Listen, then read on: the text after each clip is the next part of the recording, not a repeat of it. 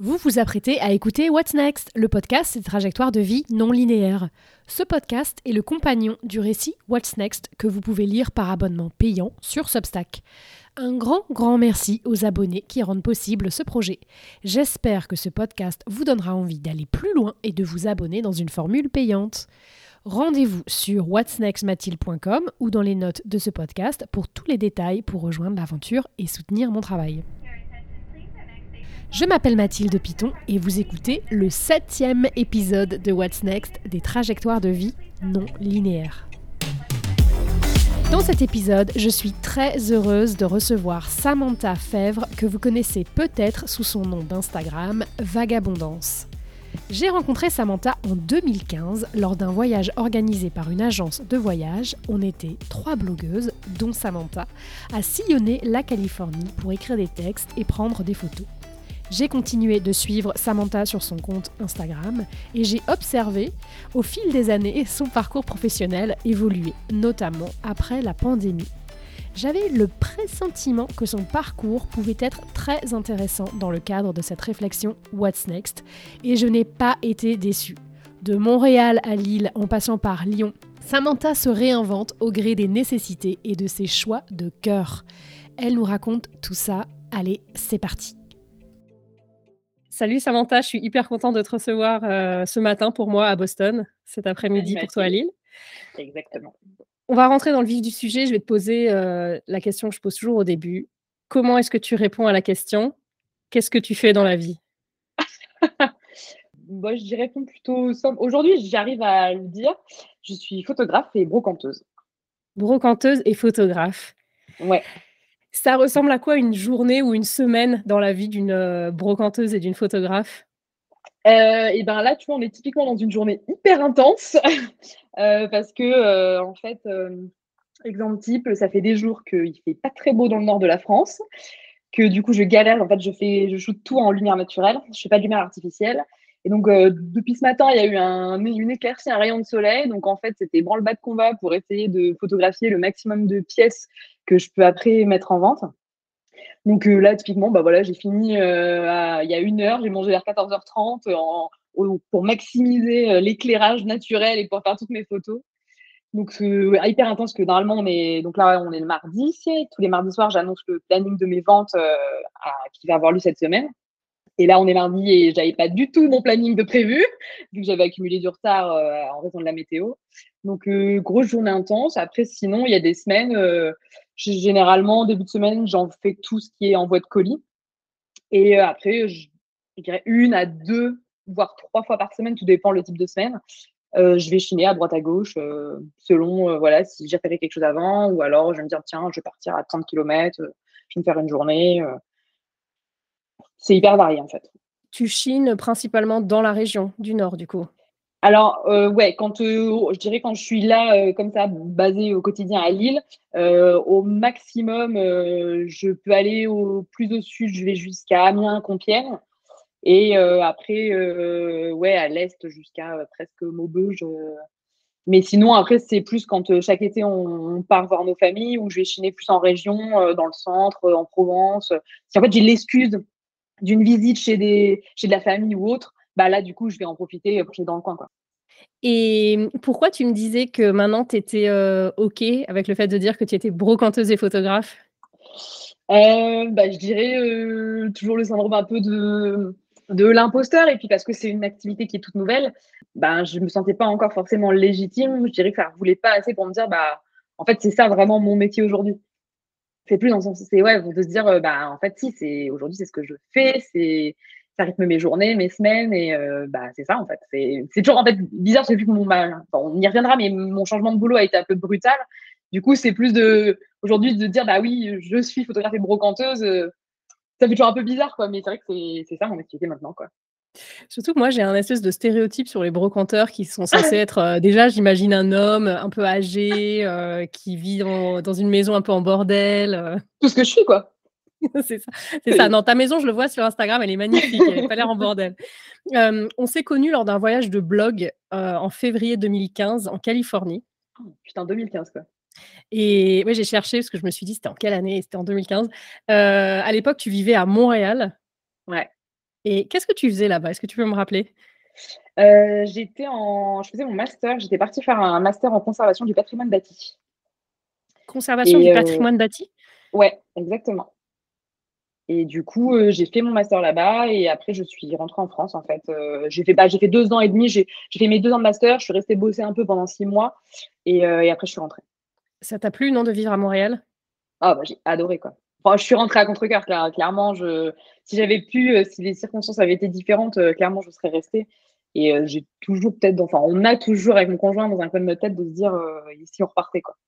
Qu'est-ce qui plaît le a vraiment, bah, en fait, ce qu'on a adoré, c'est vraiment la, le mode de vie. En fait, c'est vraiment ce, cet aspect un peu, un peu cool où ben, tu, tu te prends pas la tête, tu rencontres des gens, tu, tu croises des gens dans la rue, tu leur parles, tu veux échanger cinq minutes sur le bord de, en attendant ton bus ou quoi. Bah voilà, en fait, c'est simple. T'as pas cette, j'ai cette angoisse, ce sentiment de je sais pas, la, la personne est bizarre, qu'est-ce qu'elle me veut, comme adresse la parole, euh, etc. En fait, c'est vraiment, tu as un lâcher prise. Je sais que ça fait partie des choses qui m'avaient vraiment marqué, parce qu'en plus, avant d'arriver à Montréal, j'étais à Paris. Donc, euh, la première fois que je débarquais là-bas, pas, pas, que Montréal c'était un monde de bisounours, mais j'étais hyper craintive au début. J'étais sur mes gardes, je faisais attention, euh, quelle heure je rentrais, comment je sortais et tout. Et en fait, très vite, j'ai compris que ben, la vie était beaucoup plus simple, beaucoup plus smooth et pas du tout aussi calculée, prise de tête. Et c'est vrai qu'au quotidien, nous, on a adoré ça. Et après, bah, il y a toutes les saisons. Moi, l'hiver, avec la neige, les températures quand il fait moins 20, euh, c'est le paradis, quoi. Franchement, euh, c'est quelque chose, ça fait partie des trucs qui me manquent le plus, quoi. Et, et ouais, non, franchement, le, ouais, le, style de vie, la qualité de vie euh, était vraiment chouette, quoi. Attends, tu me dis qu'il quand t'aimes bien quand il fait moins 20, là, il se met à faire froid à Boston, mais ça, ça chatouille juste les températures négatives. Mais je me dis, ah, ça y est, c'est le début, il faut brace yourself, quoi. C'est le début de, de, de, du long hiver, quoi. Après, du coup, quand tu rentres en France, tu rentres pas, tu, rentres pas à Lille. Hein. Vous avez vécu à Lyon d'abord. Ouais, c'est ça exactement. En fait, ce qui s'est passé, c'est que j'étais partie faire mon master euh, à Montréal. J'avais pour but, en fait, j'ai plaqué tout à Paris et en me disant, bah, je vais pas faire mon master et plus si affinité. Et moi, dans ma tête, j'étais vraiment restée, je pense qu'il restait plusieurs années. Et en fait, sauf que avant de partir, j'ai rencontré mon conjoint et lui, en fait, s'est arrangé pour venir faire un PVT. Donc, il a fait un an là-bas. Et vers la fin de son PVT, on regardait pour essayer de, des possibilités qu'il y avait pour qu'il puisse rester, sauf qu'il a eu euh, l'opportunité du job de sa vie. Euh, donc, euh, bah, il est rentré en France et euh, ça a un peu conditionné, moi, la fin de mon aventure parce que bah, je ne me voyais pas rester à distance comme ça. Donc, je suis rentrée, en fait, une fois que j'ai fini mon contrat après mes études de boulot que j'avais, je suis rentrée le retrouver à Lyon. Et ça fait que depuis trois ans maintenant qu'on est à déménager, qu'on est à Lille. Et quand vous tentez rentré en, en France, est-ce que c'est là que tu as développé ton activité d'abord de rédactrice web et de photographe ou est-ce que tu as travaillé en lien avec tes études pour commencer? Non, en fait, euh, j'ai travaillé en lien avec mes études quand j'étais au Canada et en fait, quand je suis rentrée en France, euh, je me suis heurtée à une absence totale euh, de marché du travail. J'envoyais des CV à droite à gauche et à chaque fois, en fait, soit j'avais pas de réponse, soit c'était bah, oui, on a besoin de votre expertise, mais on n'a pas le budget. Bon, bah, d'accord, je suis pas allée bien loin avec ça. Donc, en fait, très vite, je me suis rendu compte que, enfin, en fait, je me prenais des portes sur portes sur portes. J'arrivais pas du tout. Et en fait, en parallèle, j'avais euh, mon blog que j'avais ouvert, euh, ça fait depuis quelques, années maintenant, un bon paquet, parce que je l'avais en parallèle de mes études, qui prenait de l'essor. Et en fait, j'avais des propositions de rédaction web, des, propositions de, photo, de photographie et tout. Et euh, mon conjoint m'a dit, bah écoute, là de toute façon, t'as pas de boulot, euh, bah ouvre ton, mets-toi en freelance et euh, accepte ces contrats et, et vois ce que ça donne. En fait, continue de rechercher à côté en parallèle dans le patrimoine, mais lance-toi. Et en fait, bah j'ai suivi, je me suis lancée à mon compte et, et jusqu'à peu, c'était ça mon activité. Finalement, j'ai jamais pu travailler dans mon secteur d'études en France. Est-ce que c'est quelque chose que, que, tu regrettes? Tu voudrais peut-être éventuellement retourner dans ce milieu-là ou c'est une histoire du passé maintenant? Je pense qu'aujourd'hui, c'est une histoire du passé. J'y suis toujours hyper sensible euh, et j'y prête vraiment attention. Mais, euh, mais en fait, je suis tellement épanouie dans ce que je fais aujourd'hui que je suis pas certaine que je chercherais de moi-même à retourner dans ce domaine-là. Je pense que la page est vraiment tournée et que, ouais, je, pour l'instant, c'est pas du tout à l'ordre du jour, quoi. Et ton activité de rédactrice euh, web sur les, tu travaillais principalement pour des, pour promouvoir des voyages? Ça s'est arrêté avec la pandémie? Ouais, c'est ça. C'est qu'en fait, j'étais principalement donc axée euh, rédac et photo de tourisme, euh, autant avec des agences de voyage que euh, des, de l'hôtellerie. Et donc, euh, bah, la pandémie est arrivée et du jour au lendemain, j'ai tout perdu. C'est Comment tu as réagi dans ces premières semaines, si on veut se replonger dans cette ambiance Ouais, ben en fait, c'est plus que. En fait, au début, tu te dis, mais juste, what the fuck? C'est quoi ce truc-là qui arrive Qui leur paralyse le monde? Et puis en fait, tu, te regardes, tu te dis, donc là, globalement, j'ai plus de boulot, je suis à la rue. Donc les premières semaines, euh, je pense que comme beaucoup, c'était euh, bah, hyper cool, tu as du temps pour toi. Euh, bon, très bien, sauf qu'une fois que tu as fait tout ce que tu voulais, tu te dis, bon, ben, what's next, hein, clairement, qu'est-ce que là, je suis, j'ai pas de rentrée d'argent. Alors oui, ok, moi, j'ai pu bénéficier des aides du gouvernement, sauf que, bah, clairement, ça fait pas tout, ça ne ramenait pas mon salaire d'avant. Et puis, bah, j'ai pas été élevée, en fait, pour vivre sur les aides du gouvernement, ni rien. Moi, j'ai besoin d'avoir un boulot, j'ai besoin d'avoir quelque chose qui me stimule. Donc là, euh, bah, ça a été vraiment le bah, ok, qu'est-ce que je fais? Parce que clairement, euh, ce qu'on croyait au début être juste un petit confinement, euh, ça va passer, ça va reprendre et tout. Bah, à l'été, c'est ça, après le premier confinement, à l'été, je me suis rendu compte que le tourisme, ça repartirait pas du tout et que comme bah, globalement, moi, mon secteur de, de travail, c'était principalement ça. Les contrats freelance sont les premiers qui ont été sautés. Il y a beaucoup d'agences avec qui je travaillais bah, qui ont été en chômage partiel. Donc euh, là, c'était vraiment la, ouais, la grosse angoisse de se dire, bah, il va falloir trouver quelque chose. Sauf que bah, ça, c'était toute ma vie, c'était ce métier-là, en fait. Donc c'est vrai que du jour au lendemain, tu te retrouves, tu n'as plus rien. Et qu'est-ce que tu fais, en fait? Donc, euh, grosse remise en question. Et euh, en fait, c'est une discussion avec une copine et avec mon conjoint qui me disait, bah, écoute, pourquoi tu n'essaierais pas de te lancer dans la brocante? Ça faisait des années que je, je chinais à titre personnel, j'adore ça. à titre, je faisais à la maison ou pour pour des amis. Et en fait, justement, ma copine avec qui j'en ai beaucoup parlé, elle, euh, à côté de son activité pro, elle avait lancé comme ça un peu de, de de vendre. Euh, elle s'était créé un, peu un shop comme ça. Et, euh, je trouvais ça hyper, cool, hyper stylé, ça marchait bien. Mais en fait, je me sentais pas de me lancer. Je me cachais toujours derrière l'excuse de bah, je peux pas, j'ai mon boulot, j'ai pas le temps, etc. Et là, en fait, mon conjoint, entre guillemets, m'a bloqué et m'a dit bah, de toute façon, là, tu n'as plus rien. Donc, en fait, tu n'as plus d'excuses à me dire. En fait, tu n'as plus, plus rien. Donc j'ai dit bon bah ok et, euh, en fait euh, j'ai en fait sondé d'abord parce que mon compte sur Vagabondance euh, avant de me lancer je me dis bah est-ce que ça pourrait intéresser les gens? Parce que le truc c'est que je suis pas c'est pas une niche en fait on est quand même énormément sur ce, secteur là qu'est-ce qui ferait que les gens achèteraient à moi plutôt qu'à quelqu'un quelqu'un d'autre? Et en fait j'ai toujours l'impression de se dire mais en fait est-ce que tu vas créer un nouveau truc? Est-ce que les gens vont être au rendez-vous? Est-ce que tu vas pas investir du temps de l'énergie dans quelque chose qui va faire bluff au bout du compte? Et en fait, euh, la ma communauté a vachement bien réagi et tout le monde a dit bah oui, euh, complètement, moi je suis hyper intéressée, je suis lancée là-dedans et tout. Ok, donc en fait, je me suis laissé 3-4 mois pour euh, mettre en place et, en septembre, fin septembre 2020, j'ai lancé Bonjour autrefois. Et justement, tu parles de Vagabondance, donc ça, c'est le nom de ton compte Instagram. Voilà. Et est-ce que du coup, c'est vraiment ton projet Bonjour autrefois qui est le nom de ta brocante est-ce que ça vient vraiment, c'est une émanation de ce compte Vagabondance? Est-ce que tu peux dire que c'est Instagram qui a lancé en fait cette, ce renouveau de carrière dans la brocante? Bah, Ce renouveau de carrière, clairement, c'est la pandémie qui l'a lancé. Mais en fait, je dirais que. Mmh, ce que je veux dire, c'est que c'est en quoi Instagram, ça a été vraiment ça a été un tremplin, enfin un outil de communication pour, pour toi? Bah Parce qu'en fait, ma communauté sur Vagabondance, elle dirait valider mon idée de départ, mon postulat, et m'a permis en fait de, lancer ça parce qu'aujourd'hui, je, en fait, un, mon jour autrefois sur Instagram, c'est ma vitrine, c'est je ne vends que partage. Je n'ai pas, j'ai un site internet, mais je ne vends pas via site internet. C'est tout se passe sur Instagram. Et en fait, ça m'a permis de faire la bascule en fait, de, de lancer vraiment officiellement ce compte-là dédié à cette nouvelle activité et de voir en fait que bah, ça intéressait les gens, que la mayonnaise prenait et qu'aujourd'hui ça, ça roule en fait.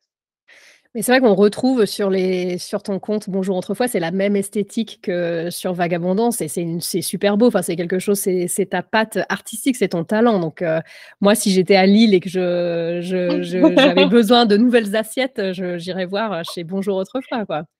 Ben, c'est gentil, merci. Après, c'est vrai qu'en fait, c'est quelque chose, moi, euh, ça a été un de mes axes vraiment de réflexion avant de lancer ça. Je me suis dit, bah, OK, je, veux me, je me lance dans la brocante en ligne, très bien, mais j'ai un côté un peu perfectionniste et vraiment je veux faire les choses bien. Donc je, moi, mon credo, c'est vraiment la direction artistique. Comme j'ai cette casquette de photographe de base, moi, je voulais absolument mettre un point d'honneur à ça et puis permettre en fait de me, de me différencier de, de la concurrence et des collègues. C'est de dire, bah, OK, pourquoi les gens viendraient acheter chez moi plus que chez un tel en fait? Qu'est-ce qui va faire que j'aurai, moi, cette manière de me démarquer, ce petit plus? Et c'est vrai que je, sais aujourd'hui qu'il y a beaucoup de personnes qui me reconnaissent pour ça, en fait, parce que j'ai développé une patte, et qu'ils arrivent à retrouver cette, ce fil conducteur, cette ligne directrice en fait à travers mes photos. Et je sais que moi, ma DA, c'est vraiment, euh, j'y passe du temps, c'est hyper chronophage, hyper intense, mais c'est c'est ma valeur à moi, je pense. Ouais. Il y a pas. Et est-ce que tu, il y a des objets en particulier que tu recherches ou c'est vraiment tu vas prendre de toutes sortes d'objets euh, à chiner et c'est vraiment la photo qui va faire ressortir la patte Samantha? Euh, je pense qu'il y a une part des deux. Il y a des objets forcément que je, je recherche en particulier. Puis, entre guillemets, c'est les aléas de la brocante. C'est qu'on va chercher un objet, on ne le trouvera pas pendant trois mois, on ne le cherche plus et il va tomber comme ça. Et euh, après, il y a d'autres objets où je pense que je vais, en fait, je vais le voir et je vais me dire, il va être une couche de crasse, de poussière, il ressemble à rien, n'importe qui passera à côté. Moi, je vais le voir, je vais me dire, il y a du potentiel. Je sais que sorti de ça, lavé, mis en contexte, ça va plaire. Et je sais il y a beaucoup de personnes euh, et de clients qui me disent, mais en fait, moi, j'ai pas du tout la capacité à me projeter, justement, qui vont passer devant, enfin, qui vont même pas avoir envie de chiner ou qui vont chiner, mais qui vont passer devant le truc. Et en fait, de le voir, moi, vraiment hors contexte, euh, mis autrement, mais ils vont dire, ah, carrément, mais en fait, c'est trop beau, c'est exactement ça que je veux, etc. En fait. Et ça, c'est quelque chose, moi, que, bah, que j'adore et c'est le meilleur compliment en retour parce que c'est ce que, j'irai en priorité, ce, que, ce qui me plaît le plus de faire. C'est vraiment d'aller sortir ces objets, de, de leur redonner. Euh, peu ce coup de lumière et euh, de leur montrer qu'en fait, euh, bah, sous une couche dégueu, ils sont, ils sont bien canons et bien pratiques. Et est-ce que sur ton compte euh, Vagabondance, où tu photographies beaucoup ta maison et aussi Lille, alors pour moi ça me fait plaisir parce que j'ai vécu à Lille, donc je suis toujours contente de, voir, de, voir, les petites rues pavées et tout ça. est-ce que c'est aussi une façon, enfin comment tu envisionnes ton, ce compte Vagabondance en termes de pourquoi tu postes les photos de ta maison, de Lille, quelle est l'idée derrière tout ça? Est-ce qu'il y a une stratégie? Euh, bah alors en fait, euh, bah, pas du tout. C'est plus en fait de continuer à partager euh, mon quotidien, ce que j'aime bien, et, et, en fait de maintenir, je dirais, une certaine vitrine photographique parce que aujourd'hui ça reprend un peu, donc je peux avoir des demandes en photographie autres que la brocante. Donc en fait, ça me permet de continuer à avoir ces, ces deux activités un peu en parallèle, d'avoir ce côté perso et en même temps de montrer, bah tiens si jamais il y a un besoin euh, pour un reportage, euh, pour autre chose, ben, j'ai ce, compte qui est un peu plus dédié en fait. Mais c'est plus mon compte plaisir en fait, mon compte ouais, perso, euh, mon quotidien. Est-ce que ouais, demain on te propose un voyage en Californie, tu vas? Oui, bah forcément. Est-ce que tu te formes à ton. Est-ce qu'il y a des formations, des compléments de formation que tu peux faire dans ton métier aussi bien de photographe que de brocanteuse? Bah, alors, sur papier, je dirais oui, forcément. Après, je t'avoue que euh, j'ai tellement tout fait en autodidacte. Enfin, la photographie, j'ai totalement appris euh, par moi-même. En fait, je n'ai pas fait d'études. Ça s'est fait comme ça que euh, pour l'heure, en fait, je cherche pas forcément à plus me former ou plus développer que ça. En fait, j'arrive par moi-même ou à, ouais, je, pour l'instant, j'ai pas ce besoin-là en fait. Et tu as mentionné rapidement le fait que tu avais un blog. C'est comme ça au départ qu'on s'est connus. Hein. Il a ouvert en 2011, euh, Paris tu Paris, et tu postes plus du tout dessus. C'est fini le blog? Alors non, c'est pas fini. Mon conjoint n'arrête pas de me dire, mais fais des articles, parce que bah, forcément j'ai matière à écrire. Mais sauf qu'en fait, je, je trouve plus le temps, je prends plus le temps et euh, c'est ça le principal défaut. Hein. Pourtant, l'an dernier, on a refait mon thème. Donc, en fait, il y a eu toujours ce petit regain de te dire, ah, ça y est, j'ai un nouveau blog, entre guillemets, euh, ça va me remotiver, me rebooster. Et en fait, euh, j'arrive, enfin, je suis dépassée. Et puis là, bon, je retrouve pas, est vraiment une activité hyper chronophage. Donc, euh, du coup, je me dédie vraiment là-dedans et je prends pas le temps à côté pour faire des articles. Mais pour moi, non, clairement, le blog n'est pas du tout mort. Quoi. Le mien, on va dire, fait une pause prolongée. il est un peu en stand-by vacances, mais il est toujours là. Mais oui, non, j'aimerais bien et j'espère réussir à trouver un peu plus de temps pour, pour refaire des articles. Et est-ce qu'aujourd'hui, c'est peut-être une question indiscrète, mais est-ce que tu gagnes ta vie avec cette activité? Alors aujourd'hui, je, oui, je, alors je gagne ma vie. Je gagne pas forcément super bien parce que j'en suis qu'à, ça fait que deux ans que c'est lancé. Euh, et qu'en fait, c'est typiquement une activité, enfin, c'est typiquement une activité. En même temps, j'allais dire, euh, mon activité de photographe freelance euh, et de rédac web, c'était un peu pareil. C'est que bah, toi-même, tu sais, euh, il y a des mois euh, plus, plus faciles que d'autres. Il y a, là, en tant, enfin, avec mon activité dont je autrefois, l'été, généralement, je, je, je, fais une pause parce que je pars chiner. Donc, j'ai souvent un mois off où j'ai peanut. Mais en lycée, je dirais que j'arrive j'arrive ouais, à, un, à un SMIC. Ouais.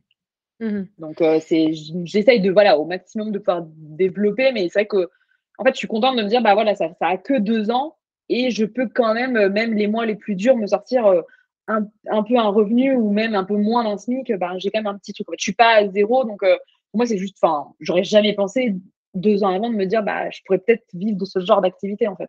Mmh tu l'imagines euh, évoluer comment ton activité dans les années à venir? Bah alors ça c'est la grande question parce que en fait j'en ai aucune idée parce que je sais même pas si, euh, si dans deux ans je ferai encore ça. C'est en fait moi la pandémie a tellement rebattu des cartes que euh, moi je me voyais bien être voilà bosser dans la photographie le tourisme ad vitam aeternam quoi. Et là d'avoir eu d'avoir tout perdu du jour au lendemain, bah clairement tu te rends compte que tout peut s'arrêter, tout peut être bousculé. Et, ça a été finalement positif parce qu'aujourd'hui, je suis très contente que j'épanouis dans ma nouvelle activité, mais, mais en fait, je sais pas du tout. Est-ce que je vais faire ça encore dans deux ans? Est-ce que je serai pas lassée? Est-ce que euh, qu'il n'y aura pas eu autre chose? Là, je dirais l'évolution que je peux voir, c'est plus peut-être de d'augmenter et de passer plus vers un shop en ligne. Parce que là, moi, toute mon activité est dédiée sur Instagram. Les réseaux sociaux, ça va, pas bien. Est-ce que Instagram va fermer? Est-ce que euh, comme il y a toujours cette petite interrogation, euh, ça sera peut-être plus une, euh, un changement d'organisation d'activité? Mais, euh, mais ouais, je sais pas quoi. Ou peut-être ouvrir. L'idée, c'est potentiellement de déménager, parce que là, dans notre maison, en fait, je stocke tout dans ma cave. C'est mon lieu de stockage. Donc, du coup, c'est pour ça que je fais principalement, en fait, je fais pas de mobilier parce que bah, faudrait stocker, mais j'ai pas la place. Euh, et, on, songe à changer de maison pour avoir plus grand. Et l'idée, bah, si possible, si je fais toujours cette activité, activité-là dans quelques années, ce serait d'avoir un peu un espace, peut-être une grange, pour pouvoir euh, voilà, avoir un, petit, un petit shop euh, en physique et pouvoir recevoir les gens comme ça leur montrer, etc. Ah, ce serait trop bien, quoi. Avec un côté, je, mets, je, vois le truc avec un petit côté café, avec des, des livres de voyage sur une coffee table. Moi, je m'y crois là, ça y est, je me fais, je me projette dans ton truc.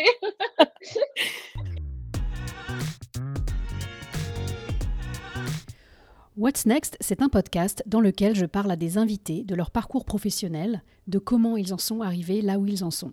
Je suis intéressée par apporter de la nuance dans tous les moments de questionnement, comme euh, est-ce que je suis dans la bonne voie? Pourquoi je fais ça? Est-ce qu'il n'y aurait pas mieux ailleurs? Quels sont mes objectifs? Comment y arriver?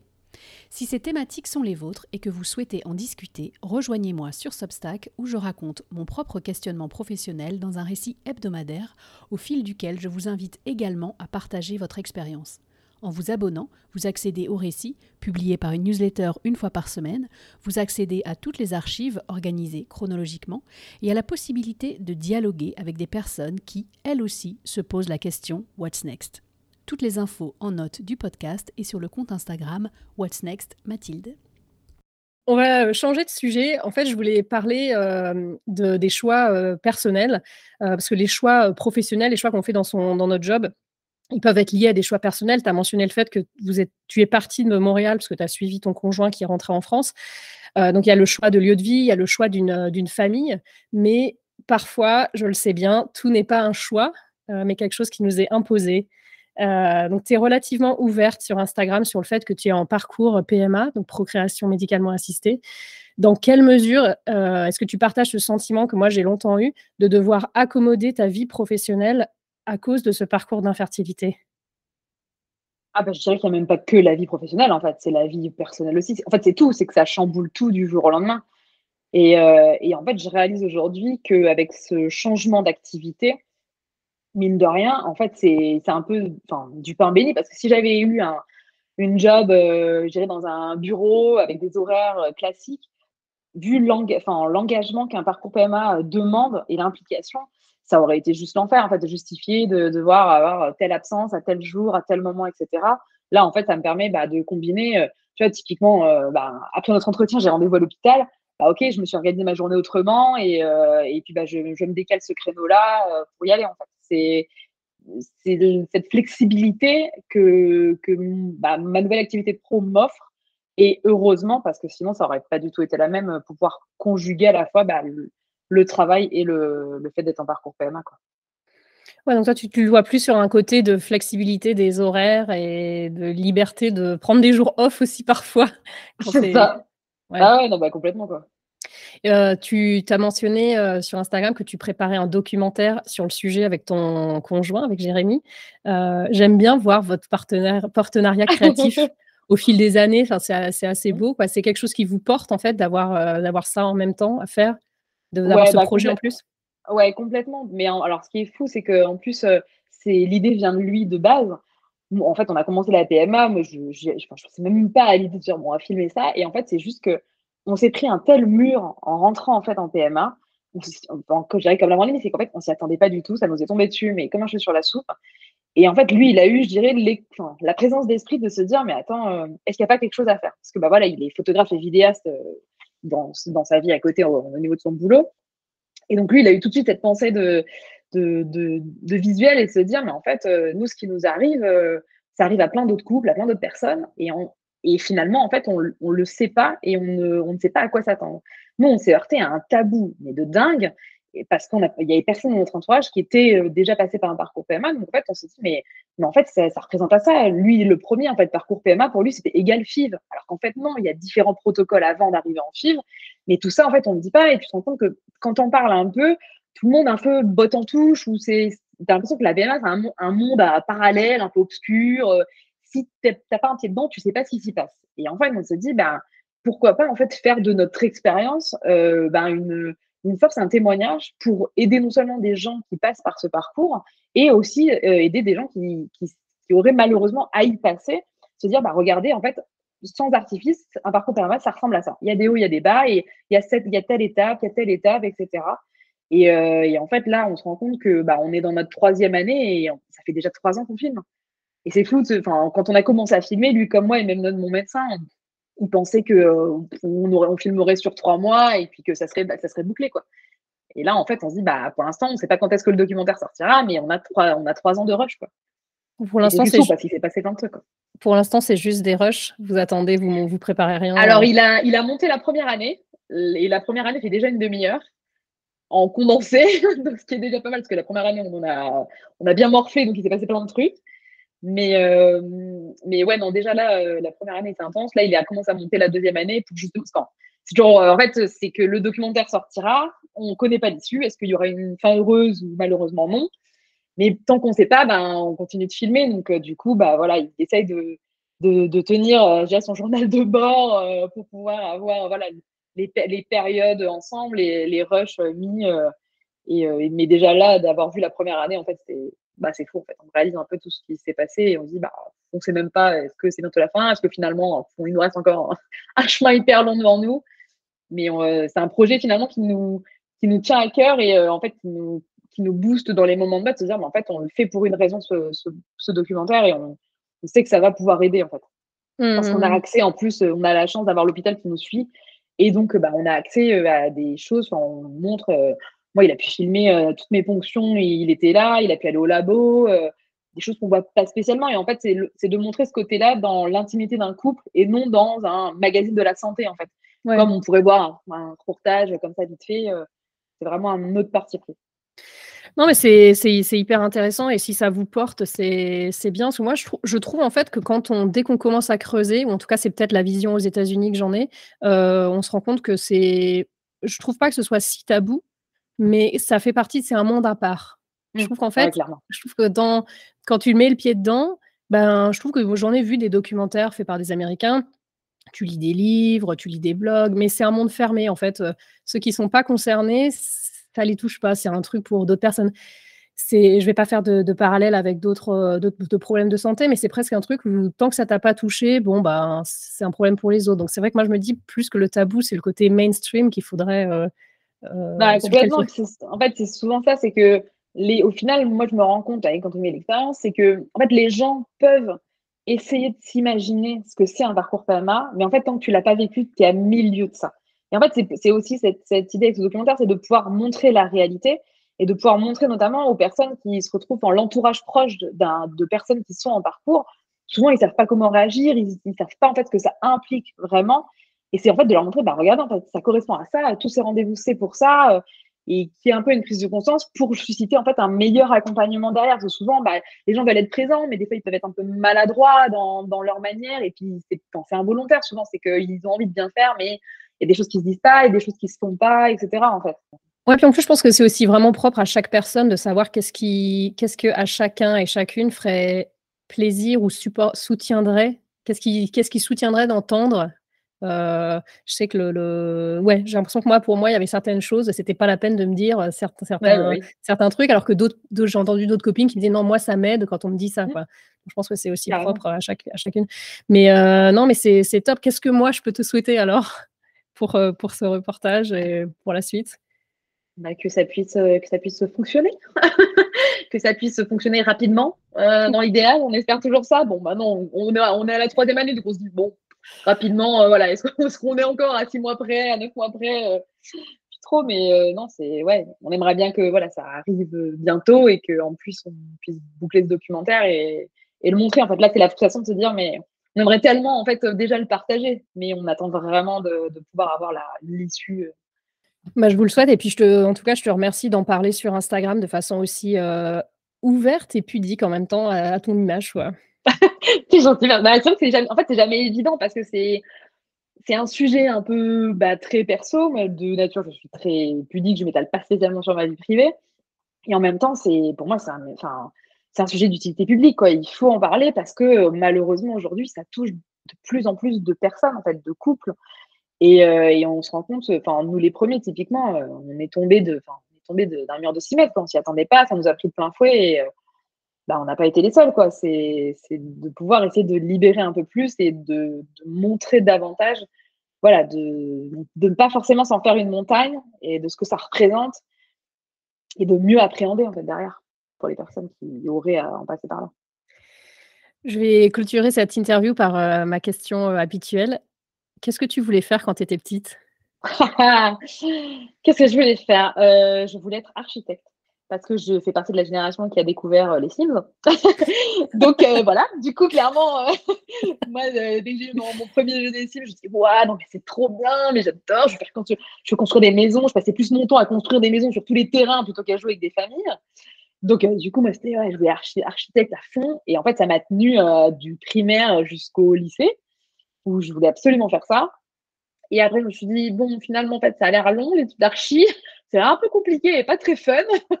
Donc, euh, du coup, peut-être plus la décoration. Et, euh, finalement, c'est pour ça qu'après mon lycée, j'ai fait euh, un an en fait en, en art appliqué pour jouer décoratrice d'intérieur.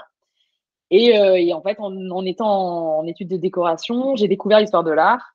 Et du coup, bah, j'ai basculé, je suis passée, j'ai fait une licence d'histoire de l'art et ma licence d'histoire de l'art m'a amené à mon master en conservation du patrimoine bâti à Montréal. En tout cas, tu n'es pas devenu architecte ni designer d'intérieur, mais chez toi, ça a l'air absolument magnifique. Merci. Bah, j'ai gardé un peu cette passion. Bah, c'est que ouais, la déco, euh, ça me, ça me parle à fond et j'adore ça. Donc, euh, du coup, bah, écoute, Samantha, merci beaucoup d'avoir pris le temps dans ta journée euh, très busy, busy de répondre à mes questions. Ça m'a fait très plaisir. Bah, moi aussi, franchement, merci beaucoup à toi de m'avoir accueilli sur ton podcast. Et c'est hyper chouette. À bientôt. Bye. À bientôt. Vous pouvez retrouver Samantha sur Instagram, sur son compte Vagabondance, et sa brocante se trouve toujours sur Instagram, sur le compte Bonjour autrefois. Ça m'a fait très plaisir de discuter avec Samantha. On se parle de temps en temps en message direct sur Instagram, les fameux DMs, mais rien de tel qu'une vraie conversation pour savoir comment ça se passe, même si cette conversation est enregistrée et publiée euh, publiquement. Ce que je retiendrai de ma conversation avec Samantha dans le cadre de ma réflexion What's Next, ce serait sa capacité à transformer ce qu'elle vit sans se mettre la pression, ou en tout cas euh, apparemment sans se mettre trop la pression. C'est la première fois dans What's Next que quelqu'un parle du syndrome de l'imposteur, ou en tout cas le nomme comme tel. Je sais pas si vous avez remarqué, mais je me suis mise à demander aux personnes que j'interviewe comment tu réponds à la question qu'est-ce que tu fais dans la vie, plutôt que de leur demander directement tu fais quoi dans la vie? Parce que clairement, cette question, à titre personnel, je la redoute. Alors je suis curieuse de voir comment des personnes qui se réinventent ou qui font des métiers euh, non conventionnels ou inattendus, un peu comme euh, Julien qui était chanteur d'opéra, euh, ben, comment ces personnes y répondent? La réaction qu'on a face à cette question en dit long sur le fait d'être à l'aise ou pas avec ce qu'on fait, syndrome de l'imposteur ou pas. Alors oui, bien sûr, Samantha est brocanteuse et photographe et je suis ravie pour elle qu'elle l'affirme aujourd'hui haut et fort qu'elle a dépassé son, syndrome de l'imposteur. Ce que j'ai aimé aussi, c'est son côté autodidacte qu'elle a mentionné rapidement. Elle a appris sur le tas, même si on sent bien dans ses études, dans ses expériences, qu'elle a accumulé un savoir-faire très spécifique, qu'elle a vraiment un œil pour les belles choses. Il suffit d'aller voir son compte Instagram pour s'en rendre compte. Alors c'est toujours plus facile, je crois, de voir du sens dans la vie des autres quand on se place de l'extérieur. Euh, et puis c'est aussi propice aux fausses interprétations, mais j'ai quand même l'impression que je lui ai dit aussi qu'elle avait vraiment ce, talent euh, unique. voilà, cette interview, je l'ai vraiment euh, beaucoup appréciée. J'ai apprécié le moment que j'ai passé avec Samantha. Et puis, je l'ai réécoutée plusieurs fois pour l'éditer, pour, la mettre en forme. Et à chaque fois, ça m'a donné toujours beaucoup d'enthousiasme. J'étais hyper contente de, tout ce qu'on a raconté. Euh, j'espère que cet euh, enthousiasme vous a été communiqué, que vous ressortez de cette, euh, je sais pas, cette petite demi-heure reboostée. D'ailleurs, j'aimerais savoir ce que vous en avez pensé. Ne me laissez pas toute seule à monologuer dans mon micro ou à poster mes petites photos sur Instagram. Venez me dire, venez commenter sur Instagram à What's Next Mathilde si cette interview vous a inspiré quelque chose en particulier, ce que vous avez aimé. je vais poster la photo de Samantha et euh, le, rappel de son épisode et puis vous pourrez poster vos impressions juste en dessous. Instagram. En lien avec le thème de la semaine, vous répondez à la question quel est votre usage d'Instagram? Annie me dit Hello Mathilde, étant une vraie quiche en réseaux sociaux, je ne sais pas envoyer des DM audio. Donc, par écrit, sorry. Je suis tous mes enfants, petits-enfants, neveux et nièces et cousins sur Insta. Je trouve ça génial. On discute de leur voyage, de leur vie. On est tous éparpillés un peu partout. Canada, La Réunion, USA, Vietnam, Europe. Pareil pour mes amis dans le monde. On a des nouvelles fraîches. À part la famille et les amis, je suis quelques joueurs de tennis, des gourmands, des cuisiniers, des photographes, la French virologiste bien sûr, mes hôtels et restos préférés. Voilà, je like ce qui m'intéresse, ce qui me plaît, je ne partage pas. Salut Mathilde, c'est Julie, j'ai 42 ans et je te laisse un message depuis la Bretagne. Le sujet euh, Instagram m'intéresse beaucoup parce que je suis community manager euh, depuis 4 euh, ans en freelance et bah, j'ai toujours aimé moi les réseaux sociaux, c'est vraiment mon truc et Instagram notamment. Donc je suis super active sur cette plateforme. je communique moi-même, donc je publie pas mal de choses à titre, euh, à titre perso, euh, mais je suis aussi active sur les... J'adore les, les, les, échanges, les, les, discussions que ça, que ça engendre. Et voilà, c'est quelque chose que j'aime beaucoup. Et depuis quelques mois, voire années, je publie beaucoup moins à titre perso, mais beaucoup à titre pro. Et ça prend une très grande place. une place un peu trop grande même. Donc là, j'en reviens un petit peu c'est un peu je t'aime moi non plus euh, en ce moment pour moi Instagram. J'ai vu aussi l'évolution de la du, réseau social et euh, voilà il y a des choses qui, me plaisent encore et d'autres un peu moins. Donc euh, ça fait partie de ma réflexion what's next tu vois. Donc j'avais envie de te laisser ce petit message. À très bientôt.